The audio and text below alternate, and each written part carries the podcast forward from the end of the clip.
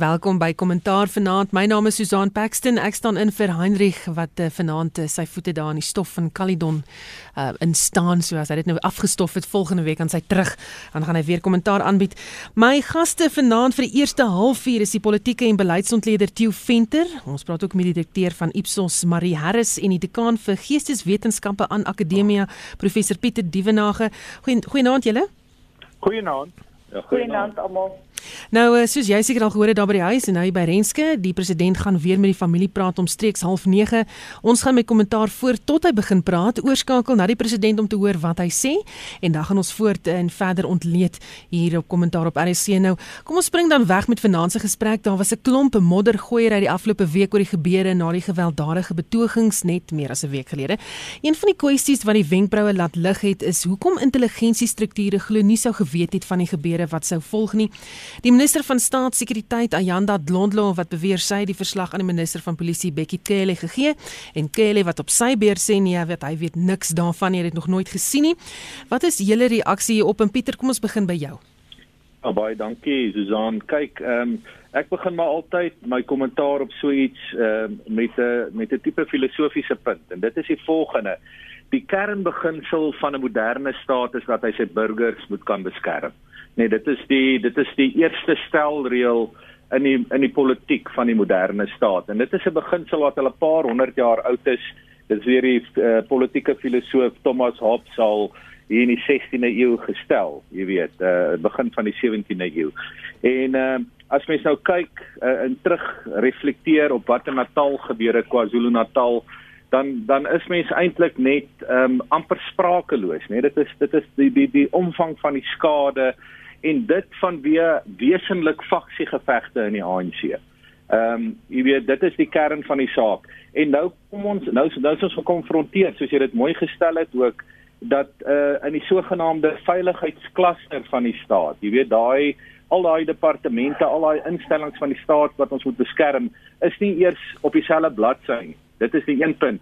En die ander ding is eintlik die skokkende. Dat lyk my daar's 'n afwesigheid aan intelligensie.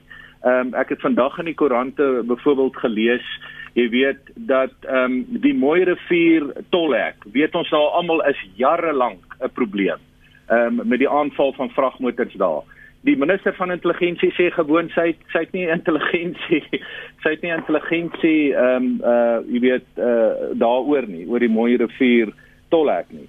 En dan ehm um, jy weet dit ek kan nou so aangaan jy weet Susan en ek kan baie somber wees maar ek wil tog net uh, iets positiefs uitlig en dit is die feit dat hierdie gebeure in KwaZulu-Natal was nie tussen wit en swart nie. Uh, mense sou dit uh, sommige mense sou dit dalk in sulke terme wou skilder en dan tweedens die gemeenskappe wat van onder af saam staan uh, rapport se voorblad vandag van die Pongola gemeenskap wat oor alle verdelingslyne saam besluit het ons beskerm ons dorp.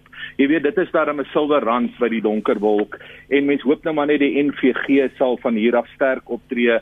Ehm um, daar is ook sulke sprake dat daar drie verskillende kategorieë van oortreders gaan wees. Mense hoop net dit sal doeltreffend en ehm um, baie goed uh, opgevolg word.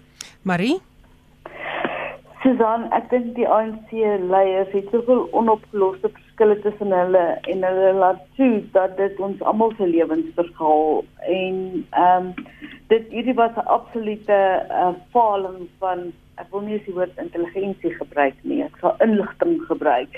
Want die prosesse is nie gevolg nie, inligting is nie versamel nie, dis nie versprei volgens die reëls waarvolgens jy inligting of intelligensie dan op hierdie vlak versprei nie hulle het nie gereageer nie. Daar was baie baie stadige reaksie van die regeringskant oor die algemeen nadat die uh vonk in die kruis wat nou uh eintlik die spulletjie laat ontplof het toe uh ex-president uh Zuma Trump toegeneem is en daar was die hele tyd voor dit was daar al baie berigte mense ek kan nie glo dat die mense in die intelligensiestrukture nie koerante en sosiale media en die buzz op die grond gelees het nie.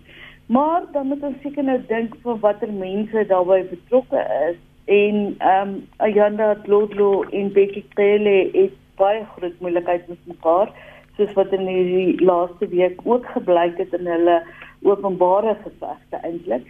Uh Moses Vive Mapisa Takula die minister van verdediging en militêre veterane het ook nie regtig 'n idee gehad van wat aangaan nie en hierdie twee dames is ehm um, baie sterk ondersteuners gewees van Nkosazana Dlamini-Zuma in die uh presidentsverkiesing aan die einde van 2017. So ek weet nie of daar dalk 'n sprankie was dat hulle dit moeilik wou maak vir president Ramaphosa nie.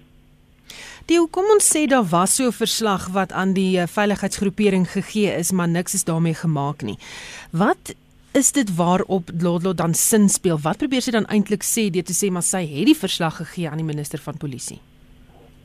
Ek dink Pieter het genoem in sy in sy inleiding dat behalwe vir die vervaardiging of die maak of die skep van inligting of intelligensie, ehm um, is daar ook 'n proses aangekoppel. Aan die ander woorde dit dit loop van een vlak na 'n volgende vlak en dit beweeg van een besluitnemer na 'n volgende besluitnemer.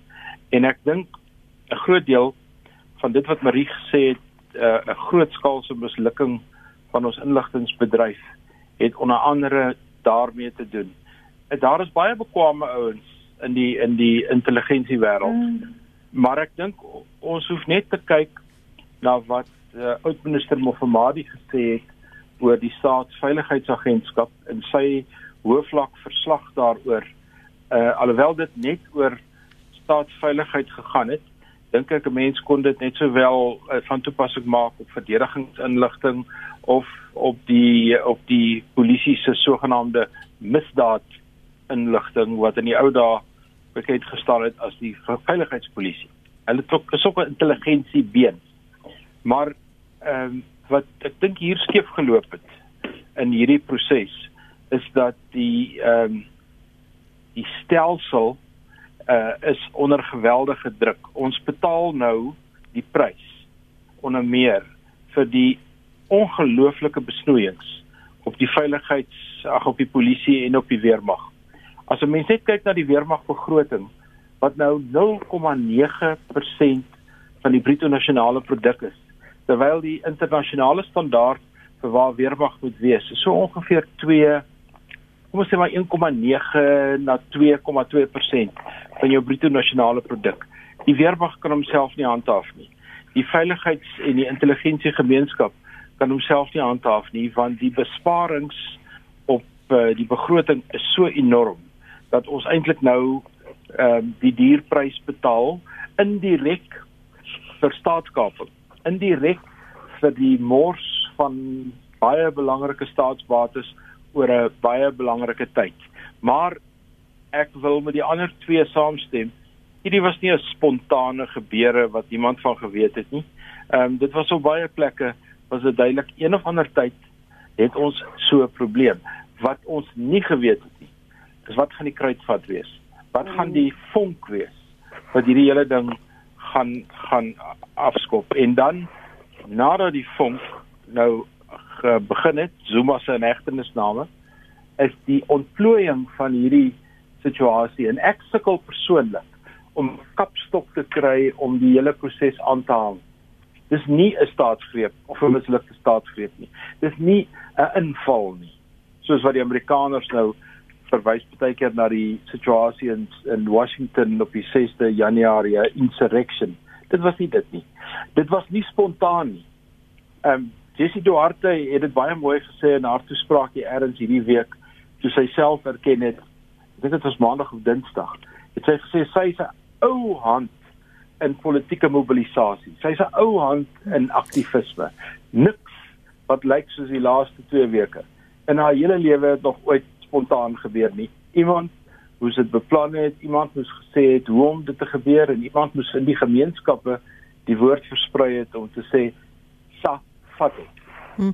Pieter ek hoor jou daar in die agtergrond uh, beam of uh, jy het 'n geluid gemaak of iets sê oor.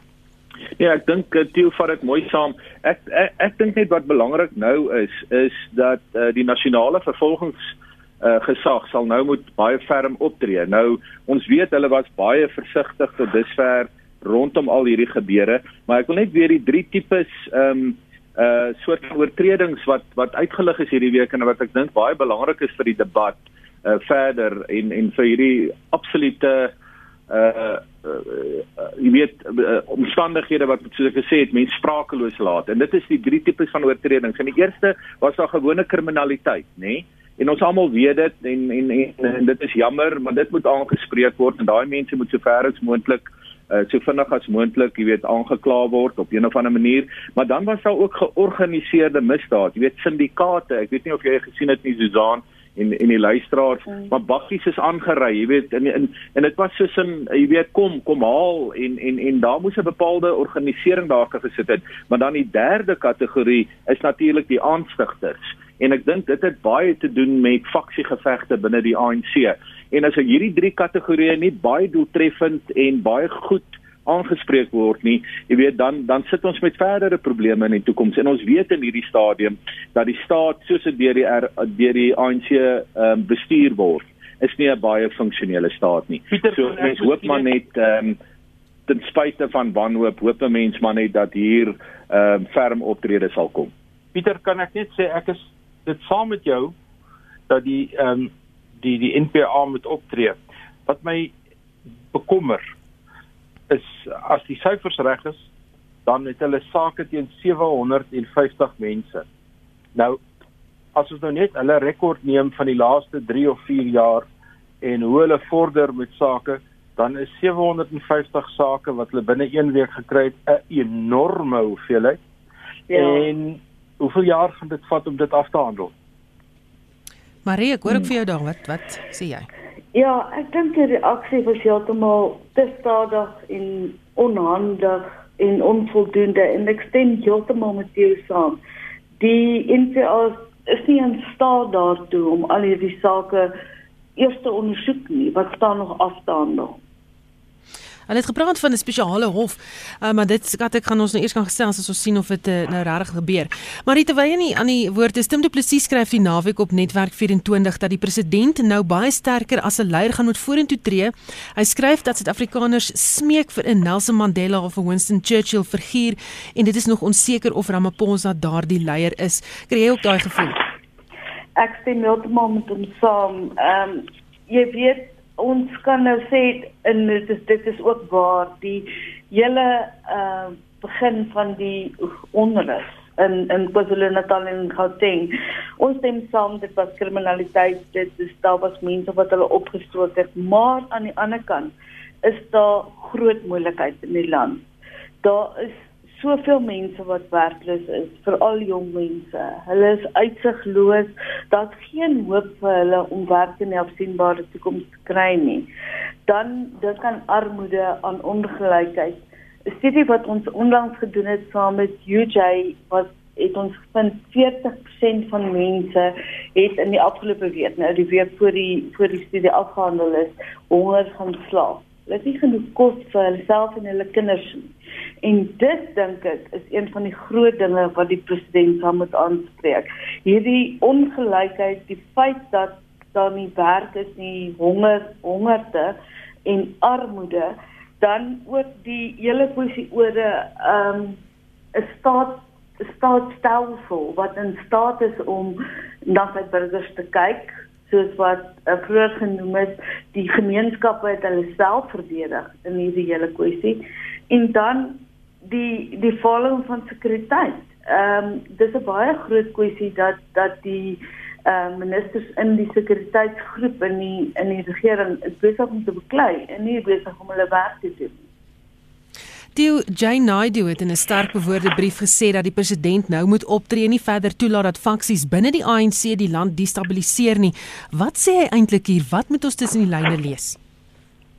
Ja, ek dink dit was 'n baie betekenisvolle brief wat hy geskryf het, 'n lang brief en hy is een van 'n hele paar ehm um, oud ANC oud Kusatu lede wat eintlik nou as veterane van die oorgang van 1994 beskou word wat toenemend ehm um, die stilswye verbreek en praat. Ek dink dit het begin nadat uh, oud president Thabo Mbeki wat vir baie lang tyd probeer het om uit die politiek te bly en uit die gesprek uit te bly het eenvoudig nie meer kon hou nie en begin praat het en ek dink dit het dit moontlik gemaak vir 'n klomp ander om ook te praat, maar in essensie sê Jay Naidoo vir die president in die brief iets wat in die media ook al gesê is 'n jaar of twee gelede. En dit kom daarop neer dat hy sê die ANC word nou gekonfronteer met 'n baie moeilike uh, besluit en dit is of hulle met die land red of hulle met die party red. Maar hulle kan nie albei doen nie. En sy hele brief gaan daar rondom. Dit is nou tyd om in landsbelang op te tree. En dit sluit aan by Tim se standpunt oor 'n leiersfiguur soos Churchill en ons kan 'n klomp ander voorbeelde ook noem waar 'n leier op 'n stadium die vermoë het om op te staan en te sê goed tot hier toe en nie verder nie. Nou weet ons ons president is 'n baie versigtige uh politikus. Hy hy beweeg nie vinnig nie. Maar ek dink as ek die tye reg lees en die grootste waarskynlikheid ons is seker nog net nou daaroor praat of ons 'n verkiesing gaan hê of nie, gaan hy meer buigsaamheid kry gaan hy 'n bietjie meer beweegruimte kry om so 'n soort ehm um, stelling te maak soos 'n uitlating te maak sonder dat hy te veel politieke steun inboet in eie geleedere. Hm. En ons gaan terugkom weer na hierdie kwessie toe. Um, ek wil net nog een vraag aan jou vra Pieter. Die minister in die presidentskap, Kombutso Ntshavheni beweer dat hulle die meeste brein agter die geweld in hulle versuur het nou dat die situasie onder beheer is. Hoewel 357 mense hulle lewens verloor het, is dit skynbaar nie genoeg vir die regering om 'n kommissie van ondersoek daar te stel nie. 2012 het 44 mense in Marikana gesterf, daar was 'n kommissie. Net so met die Life Esidimeni saga, 144 mense is dood en daar's 'n ondersoek gedoen. Hier gaan nie ondersoek kom op hierdie stadium nie. Word iets wegsteek? Is hierdie 'n heel ander situasie? Sal nog 'n kommissie dalk help? Wel, ek sou gedink het dat ehm um, in enige staat wat jy weet uh, goed funksioneer, is so sulke gebeure soos wat hier afgespeel het in die, in jy weet in in ons midde dat dit 'n kommissie absoluut broodnodig sou sou behoef het, nê? En en hier gebeur dit nou nie. Ehm um, so en, en dit is eintlik vir my nogal raaiselagtig want as mens kyk die Zondo kommissie is nou 'n kommissie wat ehm um, redelik ehm um, stadig maar maar tog voortknars as ek dit so kan snel. Ehm um, en en dis 'n belangrike kommissie vir president Ramaphosa so steel ook nou dit daar geskilder het korrek dat ehm um, hy's 'n hy's 'n persoon wat baie stadig handel. Hy hy hy's 'n fyn skaakspeler as mens dit so kan stel in sy interne politiek met die ANC. Maar ehm um, hy het die sondekommissie aan sy kant. Mens sou verwag dat 'n kommissie oor hierdie onrus ook sou en dit is dan sê maar die een is meer oor korrupsie um, in die staat en staatskaping maar hier het hy nou 'n guldige geleentheid om 'n kommissie aan die gang te sit um, rondom interne faksie verdeling in sy party wat hy dan direk kan aanspreek Ek dink die groot probleem is net die lengte van kommissies en hoe lank dit duur. Mm. En daarom is hierdie hofprosedure van die NVG. Dit lyk my of die minister en die president in daai rigting wil gaan en dat daar dan ehm um, uh ten minste 'n korttermynplan is of hulle die weet wie die meesterbrein is, dit is 'n groot vraag. Ek weet nie soos ons nou gepraat het oor die hele intelligensiegroep of of of hulle so effektief is op die oomblik nie. Ehm um, maar miskien nou met die aantal mense wat in hegtenis geneem is en die drie kategorieë soos ek vroeër uitgelig het, kriminaliteit of syndikaate of selfs aanstigters veral daai laaste kategorie as hulle daai mense begin ehm um, jy weet in wale ehm um, uh, jy weet in hegtenis geneem is begin ondervra hoop 'n mens dat die kernaspekte daarna vore sal tree. Maar ek sou as ek die ANC was nie so vinnig praat oor 'n kommissie gaan nie aangestel word nie. Want hierdie gebeure wat die afgelope ruk onder ons afgespeel het is werklik waar bitterlik ernstig. En geen staat wat sy wat sy sout werd is kan so iets net afkam en sê maar ons weet wie is die aanstigters of wie ook al nie uh, en nie hierdie wat gebeur het baie grondiglik ondersoek deur 'n onafhanklike kommissie wat hopelik baie bekwame en baie professionele lede insluit nie. Maar Pieter, is dit nie 'n kwessie dat hierdie hele ehm um, gebeure in KwaZulu-Natal en Gauteng en, en die moontlike instel van 'n kommissie baie baie naby sny aan die been van die konflik in die ANC nie dat dit eintlik terugkom na die kwessie wat jy vroeër genoem het hy moet kies tussen die land en die party en op hierdie stadium kan hy nie kies tussen die land en die party nie want as so 'n kommissie aangestel word dan is die party daarmee heen en dit is baie belangrike kommissies ja. is natuurlik presies dit dis 'n kantlynskoppie in die politiek. Dit is ja. tyd. En ek weet nie of ons tyd het op hierdie een nie. Hmm.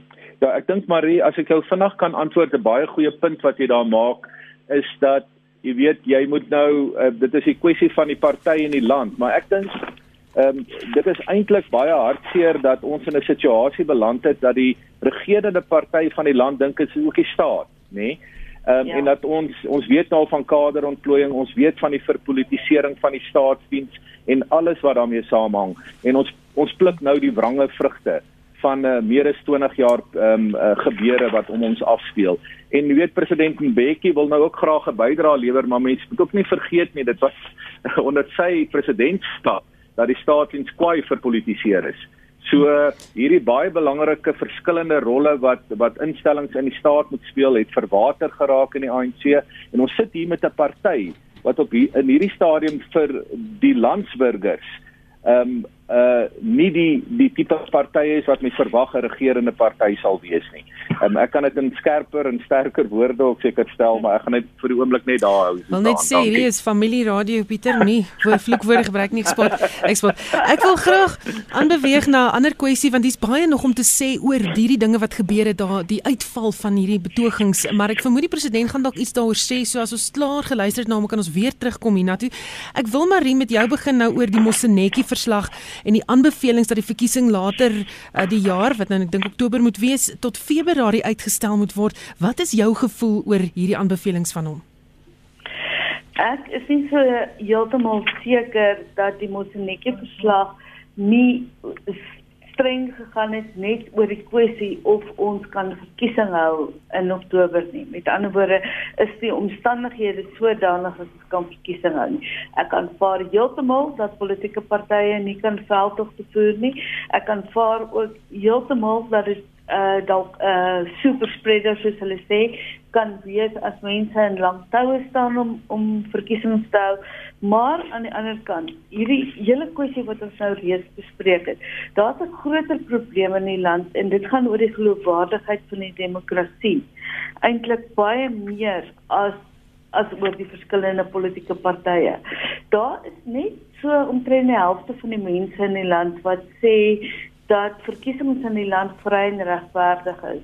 Dat dit 'n uitdrukking is van die wil van die mense in die land. En dis maar tamelik flouerig. Aan die ander kant is daar nie baie mense as jy hulle vra of hulle wil stem in die plaaslike verkiesing en gaan stem in die plaaslike verkiesing wat wat sê hulle wil stem en hulle gaan stem nie. So onder die bevolking is daar nie vreeslik entoesiasme vir 'n verkiesing nie, dit is baie ambivalent. Dan vra jy vir hulle hoekom sê julle so? Dan sê dan die antwoord is gewoonlik omdat niks gebeur in hulle lewensomstandighede, niks verander nie. Politieke partye maak net altyd beloftes, maar daar kom niks van nie. Of hulle vra vir vir wie moet ons stem? Dit gaan baie sterk oor die geloofwaardigheid en die vertroue wat mense in partye het en politici wat baie baie laag is in hierdie stadium daar is op hierdie stadium net ehm um, is net president Ramaphosa wat 'n positiewe uh, punt kry eintlik as jy na politieke leiers kry en na politieke partye. En dan is daar regtig keuses met die ANC wat so oorweldigend sterk is teenoor die ander partye.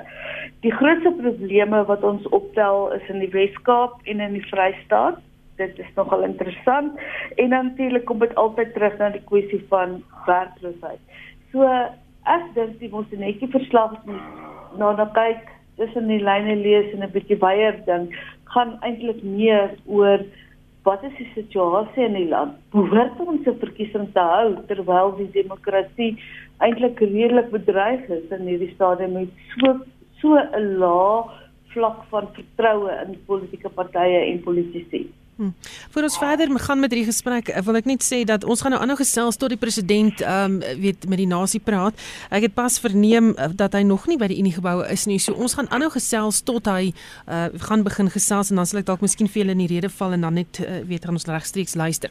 Intussen Tieu jou gedagtes oor die Mosenetjie verslag. Ja, ek het die verslag deurgelees. Dis 'n dis 'n lywige verslag en my oorwoe mening is hoekom het hulle dit gedoen? Die die die die onafhanklike verkiesingskommissie het al 'n paar keer ehm um, verkiesings uitgestel. Al dit is nou wel tussen verkiesings. Hulle ken die proses. Hulle weet jy gaan na die verkiesingshof toe. En en hoekom het hulle dit nie nou weer gedoen nie? Die tweede ding is die grondwetlike eis dat daar 'n verkiesing moet wees elke 5 jaar met 'n klein venstertjie na die 5 jaar wanneer jy dit moet hou. En nou sit ons in ag begin van Augustus. Die 3 Augustus. Ja, nou word die parlement moet nou bymekaar kom. Hulle moet 'n tweederde meerderheid kry om 'n grondwetlike wysiging aan, aan te bring en hier lê die hier lê die knoop.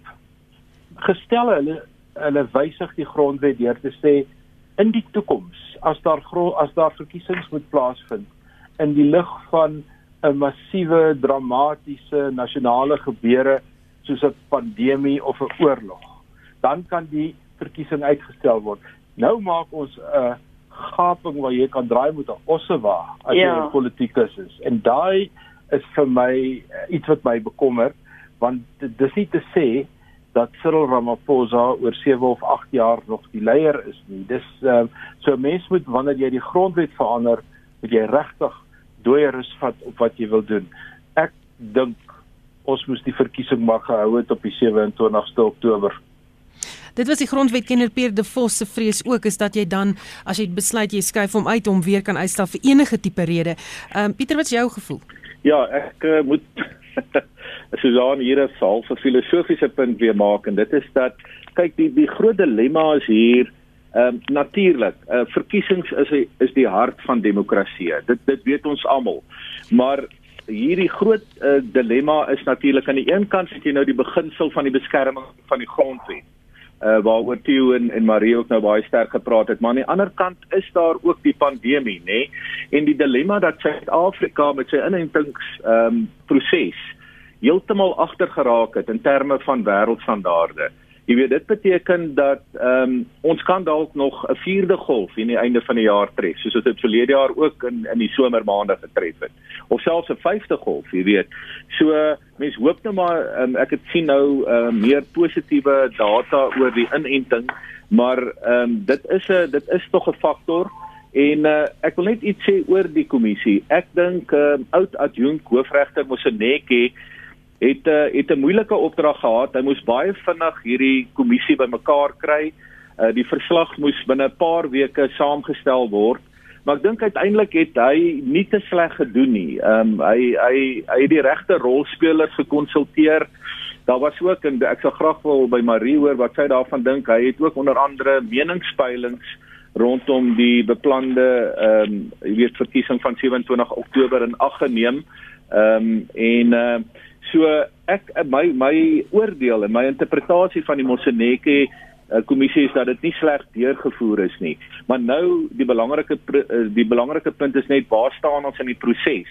En soos ek dit het gaan die ehm um, verkiesingskommissie nou die onafhanklike ver verkiesingskommissie gaan nou met rolspelers die saak bespreek en dan gaan hulle besluit ehm um, is dit moet hulle nou die verkiesingshof of die konstitusionele hof nader. Ehm um, en en alles dui daarop dat dit dan uitgestel gaan word maar soos um, oud adjunkt hoofregter Moseneke gesê het dit moet dan as dit uitgestel word van 27 Oktober nie later as die einde van uh, Februarie 2022 plaasvind nie. En by die positiewe inentings um, syfers wat ek vandag gesien het glo ek dit kan haalbaar wees en maar maar ek sal saam met Tieu stem beslis dit moet nie 'n wysiging van die grondwet wees nie uh, dit moet gewoon net 'n besli beslissing wees van die verkiesingshof of die konstitusionele hof ehm um, dat ehm um, hierdie word uitgestel onder uiters ehm um, ongewone omstandighede en dat van hier hiervan moet daar nie 'n presedent gemaak word nie. Maar ja.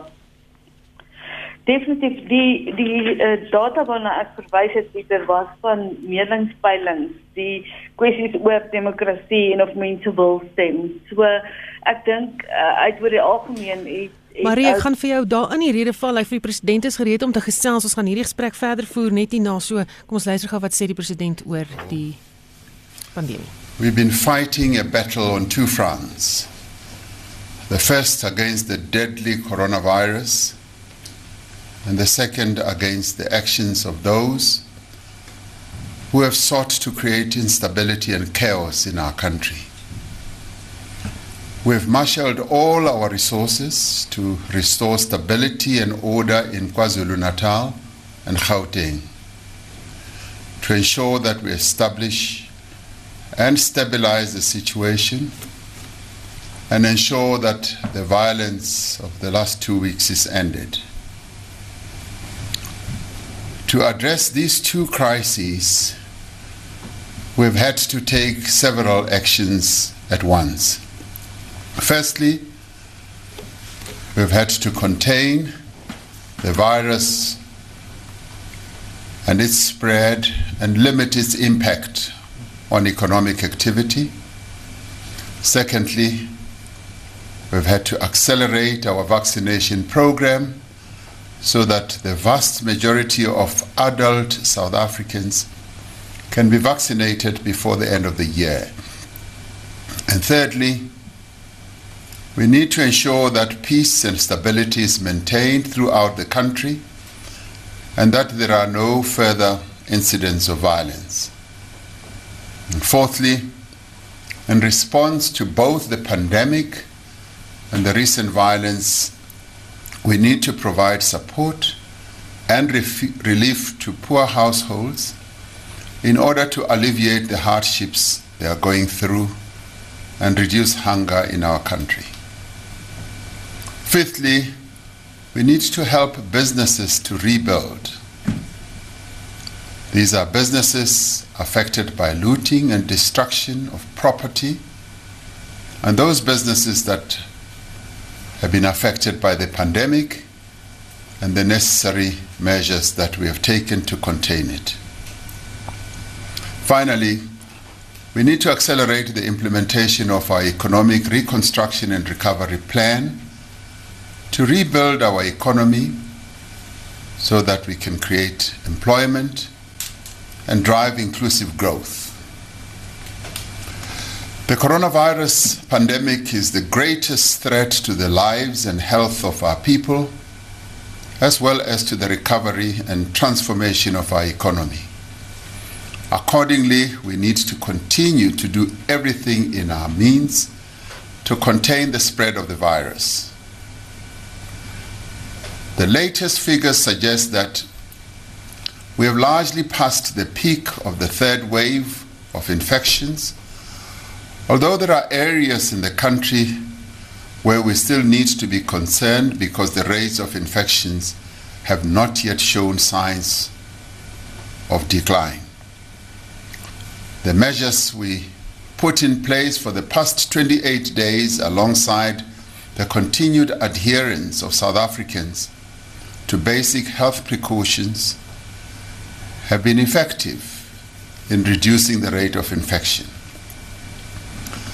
The average number of daily new infections over the last week was around 12,000 new infections a day, which represents a 20% drop from the previous week. In the last two weeks, the number of new infections in Gauteng, which has been the epicenter of the third wave, has steadily been declining. However, as we have observed before, there are significant differences between provinces.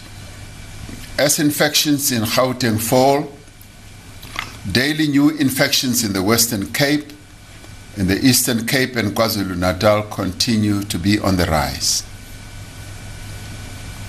There has also been a concerning rise of infections in the Northern Cape after a period of relative stability. In all these cases, infections are being driven by the Delta variant, which, as we said before, is far more transmissible than previous variants. Now, more than ever, we need to adhere to the basic precautions so that we can limit the spread of the virus from one person to another. We know that indoor gatherings, particularly in places that have poor ventilation, are the major cause of outbreaks and super spreader events. We must continue to wear our masks at all times when in public, keep our distance from others, and always ensure that windows are open and that there is a constant flow of fresh air. The overall decline in new infections means that it is possible to gradually ease some of the restrictions on gatherings, movement, and the sale of alcohol. Based on the recommendations of the Ministerial Advisory Committee on COVID 19 and the inputs from the President's Coordinating Council, which is made up of our premiers, our MECs, traditional leaders, and metro mayors, Cabinet this afternoon, after receiving all these recommendations, decided that the country should be moved from adjusted alert level 4 and be placed on adjusted alert level 3. This will take effect later this evening once the regulations have been gazetted. This means it takes place with immediate effect. The hours of curfew will stay the same starting at 10 p.m. and will end at 4 a.m.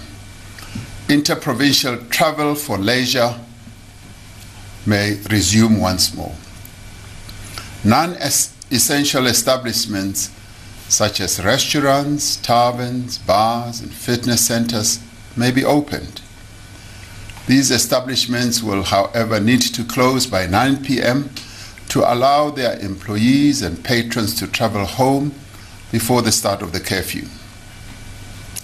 Gatherings will be allowed but will be limited to a maximum of 50 people indoors and 100 people outdoors. Where the venue is too small to accommodate these numbers with appropriate social distancing, then no more than 50% of the capacity of the venue may be utilized.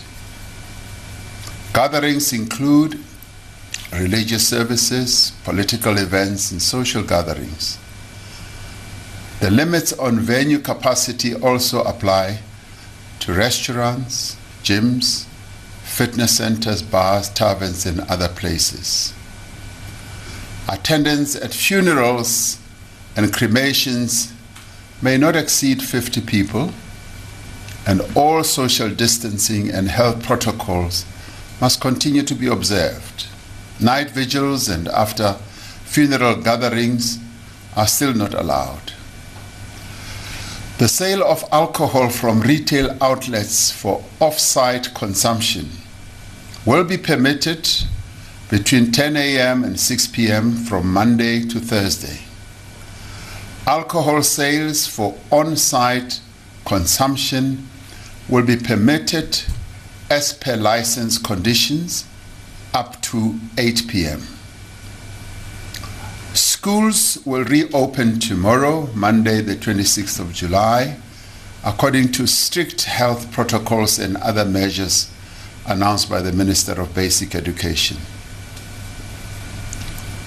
It still remains mandatory that is compulsory for every person to wear a mask that always covers their nose and mouth at all times when in public spaces.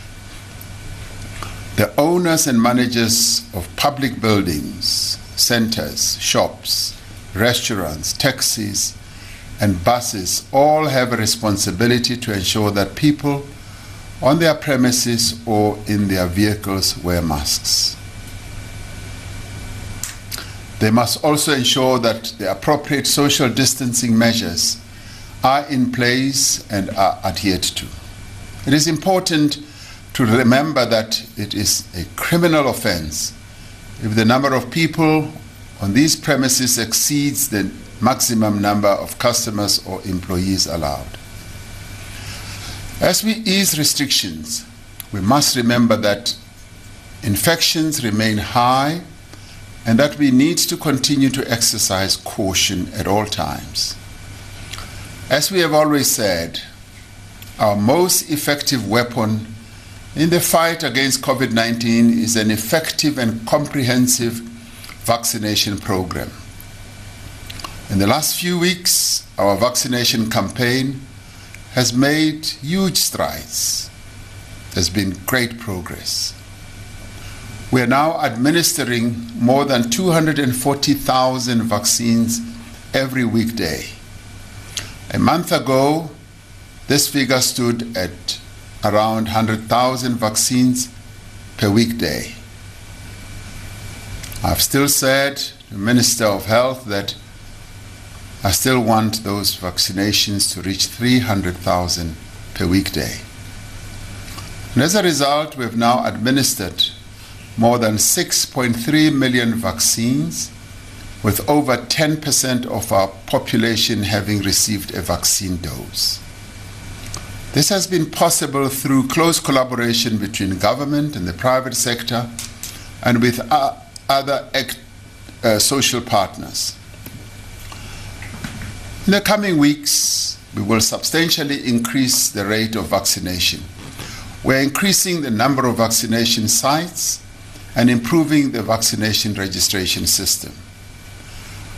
We will also increase our vaccination capacity on weekends. We will now allow people between ages 18 and 34 to be vaccinated from the 1st of September 2021. This will be in addition to age groups that are currently eligible which is everyone over 35 years of age. We are now able to allow people who need to be vaccinated to present themselves at vaccination sites without an appointment and be registered and vaccinated. This substantial increase in the rate of vaccination is made possible by improvements in the supply of vaccines. Within the next two to three months, we are scheduled to receive around 31 million additional doses from Pfizer and Johnson & Johnson. The process of acquiring more vaccines for, from other manufacturers, such as uh, uh, the Chinese vaccine and others, is underway. This supply pipeline means that there will be sufficient vaccine doses available for the rest of the year. We've made tremendous progress also in addressing the challenges we faced as a country and the continent in accessing vaccines. As a result of our negotiations with the pharmaceutical companies and various developed economy governments, we have been able to secure vaccines and we are also able to get into a position where we will manufacture vaccines on our continent going forward. Aspen, which is based in Kabeja, will from October be manufacturing vaccines solely for the African continent, our own country and the African continent. A few weeks ago, the World Health Organization chose South Africa as a hub for the manufacture of vaccines going forward. A few days ago, BioVac Institute in Cape Town was appointed to manufacture the Pfizer BioNTech COVID 19 vaccine for distribution within our continent. While there is ample supply of vaccines for the short term, we must ensure that this supply is delivered on time and without disruption. It is also important to monitor the emergence of new variants and to secure access to future vaccines that are adapted to these variants. I therefore urge all South Africans to register for vaccination as soon as they are eligible, whether online or via WhatsApp or USSD or by calling the relevant toll free number. Fellow South Africans, two weeks ago, the provinces of KwaZulu Natal and Gauteng were subjected to deliberate and planned and coordinated acts of violence designed to create the conditions of unrest in our country. This led to the loss of more than 300 lives. It led to the looting of shops, warehouses, and factories, damaged critical infrastructure, and the disruption of our country's economy. We are still counting the costs of this violence and coming to terms with the destruction that it left in its wake. I speak of the lives that were cut short and the families that have lost their loved ones. I also speak of the business owner who, in a single day, lost what it took him or her to build for years. And I also speak of the mothers and fathers who lost their jobs as a warehouse went up in, in flames, and a shop went up in flames, a shopping center went up in flames, and they now wonder how they will feed their children. We have a duty to support those affected by this violence and ensure that it never happens again. To ensure that order and stability are maintained, particularly in KwaZulu Natal and Gauteng, we have increased the deployment of our South African police as well as our soldiers from the South African National Defence Force. We have maintained this deployment in areas regarded as potential hotspots, as well as key economic and government infrastructure, shopping centers, warehouses, and factories. Security forces are also responsible for keeping critical supply routes open and safeguarding the transport of goods. Through these measures, we've been able to restore order in affected areas and to return the ports, freight rail network, and road transport to full operational capacity. Investigations into the violence and those behind it are continuing.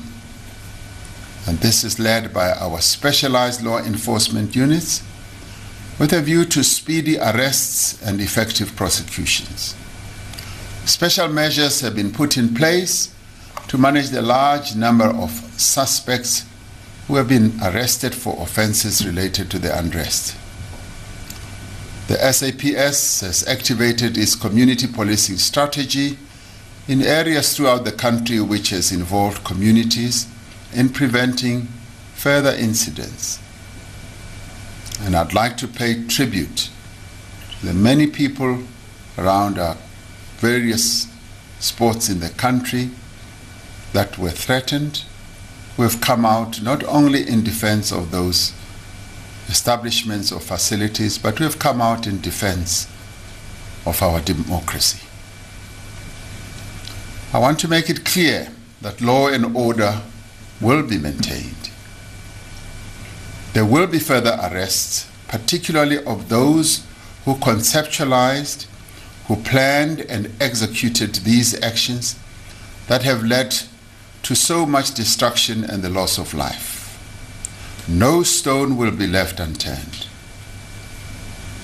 Although calm has been restored to these areas, the impact of the violence and destruction continues to be felt by households, by employees, and by businesses.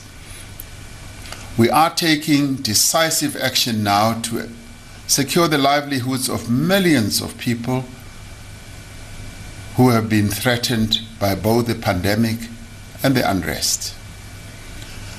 This evening, we are announcing a range of measures to support the recovery of the economy that has been badly affected and provide relief to the poor and those who are vulnerable as a result of the measures that we had to take to impose to deal with COVID 19 to support those who have no means of supporting themselves, we are reinstating the social relief of disaster grant to provide a monthly payment of 350 until the end of March 2022.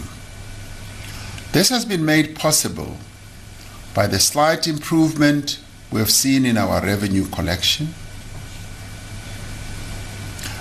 We are expanding the number of people who are eligible for this grant by allowing unemployed caregivers who currently receive a child support grant to also apply. Details of the reinstatement of the grant, including the process for application and reapplication, will be announced shortly.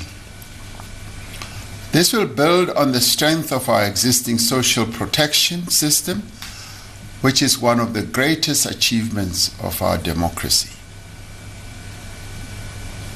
That is our country's ability to demonstrate its care for those who live in poverty, in addition to the food relief being provided by the Department of Social Development.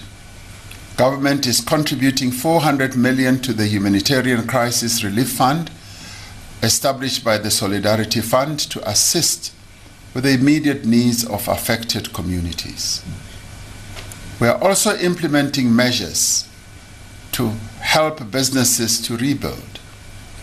The most immediate need is to ensure that those businesses that were damaged or looted are able to rebuild and reopen as quickly as possible.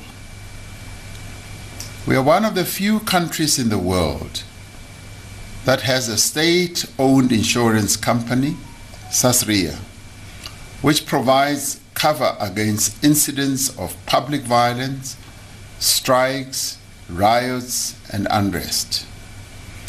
Businesses that are insured will be covered by Sasria. Sasria has committed to expedite the payment of all valid claims and is working together with private insurance companies to ensure that assessments are completed without delay.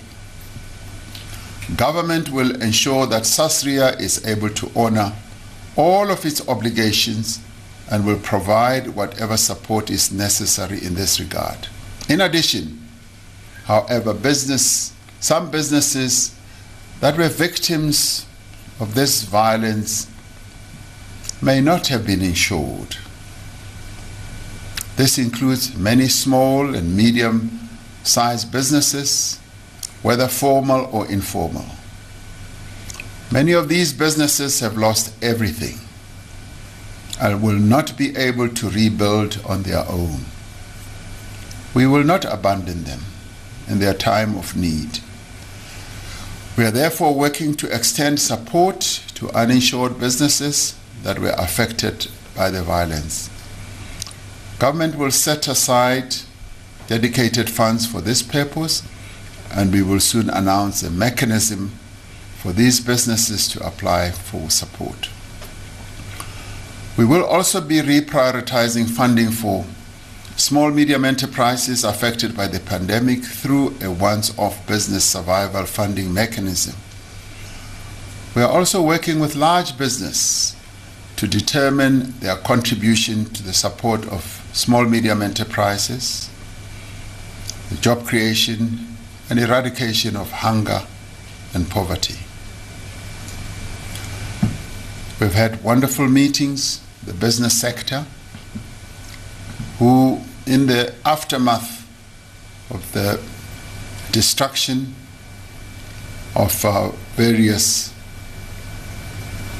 malls and business centers, have all come together as one to say we will rebuild we will work together with government and we will not allow our economy to be destroyed by those who would want to destroy it.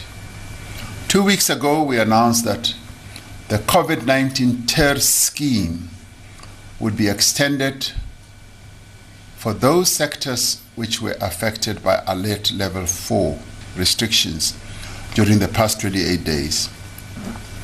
Application for this period are open and the UIF will facilitate payments as quickly as possible to support workers who have lost who have not received income. Most importantly, the unemployment insurance fund will provide income support to all those employees who have lost their jobs as a result of the recent unrest. This will ensure that jobs are protected and that workers can continue to earn an income as those businesses take time to rebuild. While the TER scheme has provided crucial support for many sectors that have been unable to operate, there is a need to provide even further relief to help businesses to recover. We are therefore expanding the employment tax incentive for a period of four months to include any employee earning below 6,500 and to increase the incentive amount by up to 750 per month. This will encourage employees to hire and retain employers rather to hire and retain employees, especially those in the retail and hospitality sectors which have been worst affected.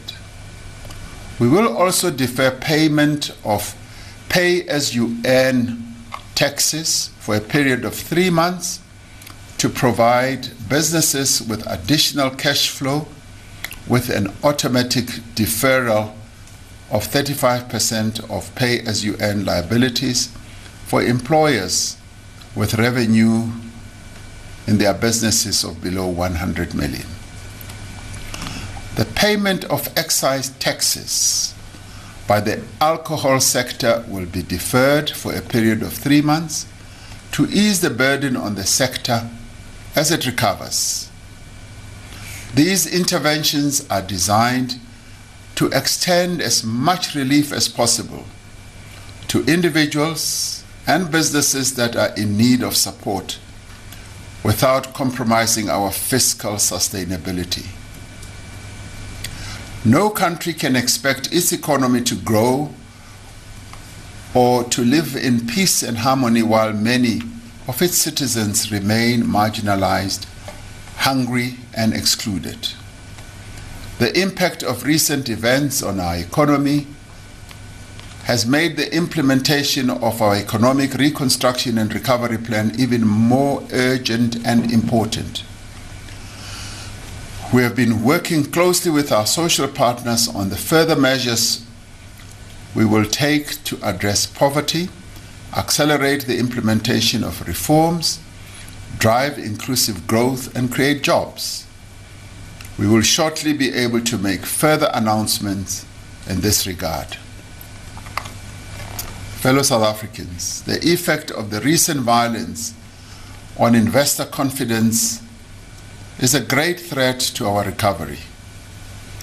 We are taking steps to strengthen the capacity and preparedness of our security forces to prevent similar incidents in future.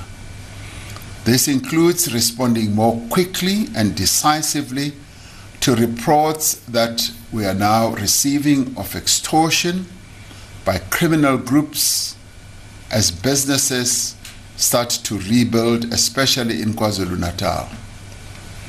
Anyone who threatens or engages in violence will face the full might of the law. While we have acknowledged that our response was too slow, our security forces have demonstrated that they are able to ensure stability and order. More importantly, South Africans have demonstrated to the world that we are committed to democratic government that we oppose violence and criminality and that we will stand up to anyone who seeks to destabilize our country. Our greatest strength lies in our Constitution, in the protection that it provides for our rights and freedoms, and in our open and democratic society. But most importantly, our strength lies in our people when they act together to defend their hard won democracy. Our constitutional order has stood firm. As we move to rebuild our country from the effects of this violence and of, from the impact of the pandemic, let us do what our Constitution calls on us to do. We must continue to heal the divisions of the past and establish a society based on democratic values, social justice, and fundamental human rights. The foundations of our democracy are based on the will of the people of South Africa. To strengthen our democracy, we are called upon to improve the quality of life of all citizens and to free their potential. It is our collective duty, therefore, as South Africans, to work together to build a united, non racial, democratic South Africa that is able to take its rightful place as a sovereign state in the family of nations. Let us therefore all join hands to continue building the South Africa of our dreams, despite the many challenges that we face. May God continue to protect our people. Nkosi sikelele Afrika. Morena boloka setjhaba sa heso. God CN South Africa. God bless South Africa. Mudzimu patuchedza Afrika Chipembe.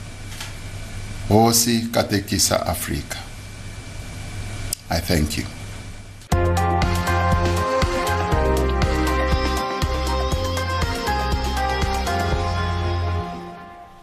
Nou ja, welkom terug by Kommentaar. My naam is Susan Paxton. My gaste vanaand is die politiek en beleidsontleder Theo Venter, die direkteur van Ipsos Marie Harris en die dekaan van Geesteswetenskappe aan Akademia Professor Pieter Dievenage, maar ook nou sluit by ons aan is eh, die leier van die Vryheidsfront Plus Dr Pieter Groenewald. Goeienaand Pieter. 'n Goeie naam te Susan en ook jou ander gaste daar. Nou, ons het pas gehoor wat die president gesê het. Ons is nou terug na vlak 3 toe van inperking. Uh, die aandklokreël geld steeds 10 uur tot 4 uur. Jy mag nou reis weer. Die restaurante is oop, maar net tot 9 uur. 'n uh, Beperkte groep byeenkomste wat uh, jy weet getalle aanbetref. Dra jou masker, was jou hande. Alkohol mag weer gekoop word van 10 uur in die oggend tot 6 uur in die aande, maandag tot donderdag. Uh, mag drank koop by restaurante maar net tot 8 uur. Skole maak weer môre oop. So as jy dit nie gehoor het nie, môre gaan jy skool toe. En dan kan jy inloop in en stof kry as jy na die ouderdomsgroepe val. Uh Pieter, jou reaksie uh op wat die president vanaand gesê het in die verband met hierdie inperkingsvlak. Ek veronderstel dit begin om verwys nou na my. Wag, wag, dit is nou Pieter. twee Pieter. Wag, jy is nou twee Pieters, so ek vra vir jy eers vir er. Ekskuus man. Ons eie chaos hier. Ja, eers Pieter Groenewald. Ek gaan eers met hom gesels Okay. en dan gaan ek vir julle politieke uh, stemme 'n reg. kans gee. Goed. Fyn so. Goed, dan ek begin. Uh in die eerste plek wil ek sê dit is 'n rasionele benadering van die president se kant af. Maar ons moet ook vir mekaar sê dat ons moet maar vir mekaar sê dat die sogenaamde verskillende vlakke het baie vervaag. Ons praat nou van 'n vlak 3, maar dit is elke keer met aangepaste regulasies en beperkings daarbey. As ons byvoorbeeld maar net 'n perspektief kan gee, jy weet eh, die aanvanklike vlak 3 was daar baie besighede wat nog nie kon gewerk het nie. Veral klein en medium besighede kon glad nie gewerk het nie, maar die ekonomie bly oop. En die kritiek wat ek wel het is dat ek dink tog die kerke word stief behandel om te sê dat 'n maksimum van 50 persone die Vryheidsfront Plus se standpunt is dat dit behoort bepaal te word deur die oppervlakte van die bepaalde kerk of samekoms en dan te sê dat uh, die protokolle gehandhaaf moet word. Ek sou meer verwag het van die president om te gepraat het in terme van verdere optredes in terme van die opstande wat plaasgevind het. Ja, hy het nou verskillende aankondigings gemaak in terme van daar gaan hulp gegee word. Die eerste vraag wat ek gaan vra is die hulp. Hy het nie die bedrag genoem vir byvoorbeeld van die kleiner besighede wat veral byvoorbeeld nie verseker is by Sasria nie, uh dat hulle bygestaan gaan word. My vraag gaan wees, gaan ons weer 'n herhaling hê van soos wat dit destyds in die toerismebedryf was, dat dit net swart ekonomiese bemagtigingsbesighede gaan wees? Ons sal wel duidelikheid hê daaroor. Ons sal nou moet wag om te kyk wat is die aankondigings van die betrokke ministers en wanneer die regulasies gepubliseer is om dit te kan weet. Maar oor die algemeen is dit meer realisties. Die ekonomie kan nie weer op 'n stadium kom dat ons soveel beperkings gaan hê wat dit nog net verder gaan strem nie. Die toelaas word ook nou verder verleng in terme van die R350 verligtingfonds en dan 400 miljoen wat dan van die regering se kant bygevoeg sal word uh, na by die solidariteitsfonds om verligting te kan bring. 'n Land wat in so 'n krisis is, moet 'n plan maak om die mense te kan bystaan. Maar ek wil sê dat ons is in hierdie benarde situasie as gevolg van die swak hantering van die hele COVID aangeleentheid sowel as die hantering van die onluste wat plaasgevind het in KwaZulu-Natal en Gauteng. Dit is ontstellend. As die president sê wat ons nou vind in KwaZulu-Natal is dat daar nou afpersing plaasvind ten opsigte van sommige besighede wat wil heropbou dan afgepers word deur kriminele elemente om dit eintlik nie te doen nie. So dit is nie onder beheer nie en ek sou meer en beter stappe wou gehoor het van die president wat dit betref. Dis goed dat die skole heropen môre. Daar is kundiges wat sê dat ons kinders uh, word baie sleg benadeel as gevolg van die feit dat hulle nie so gereeld in die skool is nie. Die inentingsprogram en ek noem nou 'n paar breë aspekte uh is lyk my besig om goed stoom op te vang. Maar weer eens lê ek dit vierkantig op die skouers van die regering. Vanaand sê die president in samewerking met die private sektor hoop hulle om die 300 000 werk per dag te kan bereik. Die vraag was nog altyd hoekom is die private sektor nie van die begin af betrek by die hele inspuitingsprogram en die verkryging van die inspuitings of die enstowwe nie? Hoekom moes hy gewag het? Elke keer wat hy so diep in die moeilikheid is dat hy geen ander keuse het nie. En dis die groot probleem met ons president van president Ramaphosa. Die ANC regering wag tot hy so diep in die moeilikheid is dat hy niks anders kan doen as om te luister om te sê betrek die private sektor doen dit of doen dat en dit is 'n swakheid nogal van die president wat hy behoort baie sterker en baie fermer op te tree. Dit wat hy oor die veiligheid gesê het vanaand, het hy basies 'n week gelede, die Vrydag aand ook gesê. Suid-Afrikaners wil weet, ons as burgers van hierdie land wil weet, gaan daar sterk stappe opgeneem word teen byvoorbeeld die betrokke ministers uit 'n politieke perspektief? En ons uh, weet wat daardie chaos is wat hulle veroorsaak het. So in die algemeen Daar is goeie aankondigings. Dis 'n rasionele benadering, maar daar's nog baie kritiek wat uitgespreek kan word oor die hantering van die hele aangeleentheid. Hm. Goed, uh as gevolg van tyd en omdat die president bietjie laat was, langer gepraat het as wat hy gesê het of wat hy gewoonlik praat, gaan ek vir dit daar laat. Uh, Pieter Groenewald, dankie dat jy vir ons jou mening gegee het, geluister het en uh met ons gesels het daaroor. Ek gaan nou weer terug be beweeg na die paneel toe en dan uh Pieter Dievenage, die professor, dan kan jy ook gesels. Julle het nou almal gehoor wat um Pieter Groenewald gesê het, sy indrukke van hoe die president die situasie hanteer. En Pieter, kom ons praat dan sommer met jou vir 'n begin. Wat is jou reaksie op beide die president wat hy gesê het wat hy nie gesê het nie in die reaksie van byvoorbeeld uh, iemand soos Pieter Groenewald van die Vryheidsfront Plus. Ja, ek uh, as as ek vinnig kan reageer, uh, Susan, dan dink ek ehm um, mense is dankbaar dat uh, die infeksies afgekom het, maar daar is nou die interessante dat waar dit in Gauteng afkom, dit nou in die Wes-Kaap en KwaZulu-Natal en die Oos-Kaap weer styg. So dit maak mense bietjie bekommerd maar die algemene tendens is 'n afname in infeksies en daarom dink ek die die verskywing van vlak 4 na vlak 3 maak vir my sin. Um, ek veral is dankbaar oor die feit dat die Gautengers nou weer kan beweeg. Jy weet dit is wintermaande, mense wil graag 'n bietjie Bosveld toe gaan of elders en dit sal ons toerisme mense help. En 'n saak waaroor ek baie sterk voel is die alkohol ehm um, verbod. Net soos die sigarette verbod van verlede jaar wat in baie opsigte vir my irrasioneel is. Jy weet in Ehm um, ek hoop maar net ons wynboere en dan ons mense in daardie bedryf ehm um, kan op uh, die been bly. Jy weet mense hoor uh terugvoer dat dat van die mense geweldig sukkel en ook met uh, jy weet met die werk gee daar. Ehm um, en mense is maar net dankbaar dat die alkohol verbod nou weer opgehef is. En ehm uh, dan ehm um, wil ek net sê 'n laaste punt en hier sluit ek aan by uh, Dr Pieter Groenewald. Ehm um, ek dink uh, in sy verwysing na KwaZulu-Natal en die gebeure daar, die president twee dinge uitge, uh, uitgewys en dit is baie belangrik of eintlik drie. Die een punt is om aan armes ehm um, verligting te gee.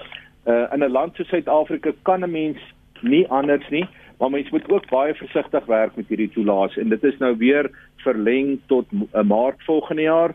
Ehm um, en ehm um, aan die een kant ehm um, is hy in 'n knyptang hierdie president. Hy moet aan armes verligting gee. Al al ons Suid-Afrikaners weet ons het ook daai verantwoordelikheid. Ehm uh, maar hierdie toelaas is tog 'n ding wat uh, mens fyn in die oog moet hou. Tweedens dan hulp aan besighede. So dit is my die twee sterkpunte hier dat hy aan beide armes maar ook aan die besighede, aan die sake sektor en die mense wat so gelei het in hierdie verskriklike onrus.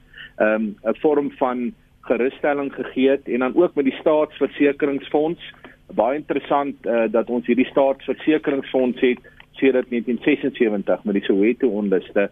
En uh, maar die staatsversekeringsfonds het so 2 miljard in die bank en so 8 miljard op belegging uh, terwyl ons weet die uh, die skade kan tot 20 miljard rand uh, loop. So uh, dit moet mense ook in in, in gedagte hou. En dan net my laaste punt Susan veiligheid. Dit is baie belangrik dat die president uitwys dat die polisie gaan versterk word en die die polisie en die weermag gaan nou beter doen en daar gaan nou beter uh maatreëls wees, maar die groot punt is steeds hy moes meer gesê het oor die mense wat verantwoordelik is vir hierdie onrus, vir hierdie plundering gaan behoorlik voor die hof gebring word en dan die hele kwessie van die aanstigters. Nou um, hy het natuurlik daar baie fyn getrap want ons weet dit is eintlik maar interne ANC ding. Dankie. Marie, um uit nou ek weet in uh, Pieter Dievenaar het ook nou verwys daarna dis hierdie maatskaplike verligtingstoelaag byvoorbeeld. Um dink jy daar gaan 'n tyd kom waar ons nie hierdie toelaag meer gaan hê nie? Wel, daar gaan seker 'n tyd kom dat ons nie hierdie toelaag gaan hê nie, maar dan gaan ons dalk 'n uh, algemene lewensondersteuningstoelaag hê vir almal wat wat nie werk het nie. So ek dink die naam van die toelaag gaan dalk verander nie te kom my groot bekommernis is waar gaan die geld vandaan kom? Want as jy mens kyk hoeveel belastingbetalers daar in die land is, wat die belastinglas is, selfs vir besighede, hierdie uh, is almal baie goeie dinge wat hy sê van om die besighede te help te ondersteun, die wat baie gelei het, die wat alles verloor het, maar hierdie uh julle onderneming gaan baie duur wees dink ek as wat dit op die eerste oogopslag op papier lyk. Jou ander indrukke van wat hy gesê het. Ek dink hy was soos Pieter Groenewald genoem het baie rasioneel en bedaard. Ons is nou al baie gewoond aan hom dat hy baie rasioneel en bedaard is. Ehm um, ek dink almal het verwag dat ons na vlak 3 gaan kyk. So dit was nie heeltemal dit was nie 'n verrassing nie oor alkohol dink ek uh, daar was baie sterk aansprake van die alkoholbedryf oor die laaste paar weke dat dit verander moet word. Ehm um, net uh, een opmerking daaroor.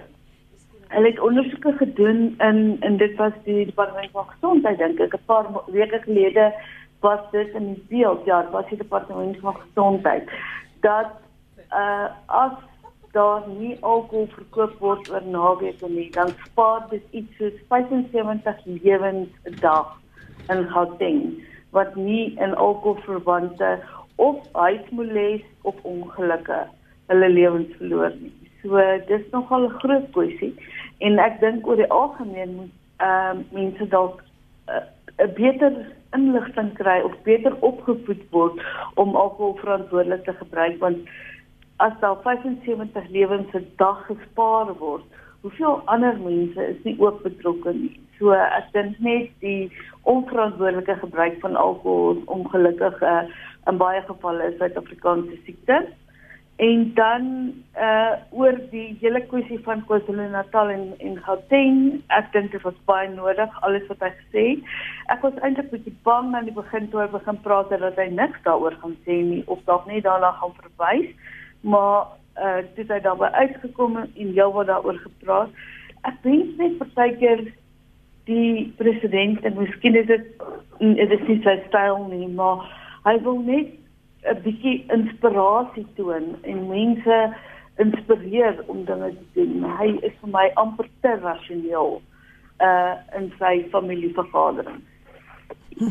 ek soek 'n meer emosionele president. Nee, ek spot. Nee, net iemand wat nie noodwendig 'n meer emosionele president. Ja, nee. Meer wat wat wat sy gevoel uitdruk. Dis wat ek bedoel. Mm. Gepraat daarvan Theo en ek gaan nou vir jou kans gee. Um jy weet hy het begin gesels oor alles uh, van die vlak 4 of van die vlak 3 inperking. Daarna het hy uh, gegaan na wat gebeur het met die geweld en die plunder en die onrus en hy het dit genoem 'n beplande en gekoördineerde geweld in Gauteng en KwaZulu-Natal. Um en dan het hy op 'n stadium gegaan en gesê goed, hy het sterk gepraat toe hy gesê het dat wet en orde ten alle koste gehandhaaf sal word. Um jy weet maar eh, jy kon hoor daar's 'n stemtoon verandering. Ehm um, nie dalk noodwendige gesigsuitdrukking vir die van ons wat gekyk het nie, maar jou indrukke hiervan. Ja, ek eh, ek wil net vinnig vir Marie net sê die meeste van ons is rasioneel oor drank tot ons dit begin gebruik. Dis wanneer die houding dan verander. Dis nou na die gebruik, nie voor die gebruik nie. Ja, Theo, maar onthou, die een is dit jy wat dit drink, maar hier vir die tweede of die derde een is dit 'n ander ou. Ja, jy het reg. Ek wil ek wil die vraag so antwoord. Ek ek was beïndruk deur die president se toespraak. Ek dink hy het 'n goeie toespraak gelewer. Hy was beter as die vorige keer. Hy het vir my 'n klomp um, met met groot selfvertroue gepraat en ehm um, ek dink jy is heeltemal reg. Ehm um, Pieter het gesê hy het fyn getrap. Dis nou Pieter van Akademia nie Pieter van die Vryheidsfront nie en ek het dit toevallig neergeskryf oor wat hy gesê het toe hy by die gedeelte gekom het. Hy het gepraat van 'n ondersoek na die mense wat hierdie proses gekonseptualiseer het. Aan die ander woord hy het wegbeweeg van die woorde wat die afgelope week gebruik is deur verskillende kabinetsministers en 'n baie fyner lyn gevat oor wat ondersoek gaan word, maar ek dink jy is heeltemal reg. Hy het ehm um, sê dat die weermag gaan met groter ehm um, uh uh wat wil ek dit noem? Met met meer oortuiging optree so ook die polisie. En dan die verwysing wat Pieter Groenewald gemaak het na mense wat afgepers word. Dis nie nou nie. Dis 'n geruime tyd in KwaZulu-Natal veral waar groot kontrakteurs werk en daar mense uit die gemeenskap eintlik vir hulle dwing om sekere dinge te doen en sekere dele van kontrakte aan die gemeenskappe uh, af te staan en en waar die besighede net begin sê ons is moeg daarvoor. 'n baie goeie voorbeeld was die maatskappy wat 'n uh, force majeure verklaar het in in um, in Richards Bay. Hulle was onder andere hieraan onderhewig. So ek dink ons kan sterker optrede verwag. En dan het um, Cyril Ramaphosa gedoen waarvoor hy bekend is kort nadat hy daaroor gepraat het het hy dan ook sy verbintenis aan die grondwet en grondwetlike beginsels weer eens herbevestig. En ehm um, ek dink dit is 'n balans wat hy probeer bring het. Laastens wil ek net sê die ehm um, die uh, internasionale monetaire fonds het aan Suid-Afrika oor die laaste 24 uur trekkingsregte van 4,3 miljard dollar gegee en vir ons gesê ons gaan beter moet optree met betrekking tot hierdie ehm um, tot hierdie geweld. En dit vertaal natuurlik na ongeveer 70 miljard rand. So ek het 'n idee die aankondiging wat nou vanaand gemaak is oor die finansiële hulppakket gaan grootliks gefinansier word uit spesiale trekkings wat ons by die IMF kan doen. Dit was dan kommentaar vanaand en uh, ons gaste was gewees politieke en beleidsontleder Theo Venter, direkteur van Ipsos Marie Harris en die dekaan van Geesteswetenskappe aan Akademia professor Pieter Dievenage asook dokter Pieter Groenewald, leier van die Vryheidsfront Plus wat uh, ingeskakel het en met ons gesels het oor wat die president alles gesê het. Heinrich Weingart is weer terug volgende Sondag as al die druppels van Caledon se fonteine van sy voete afgeskit het en afgevee het. My naam is Susan Paxton en onthou geniet die res van die aand uh, in die geselskap van here.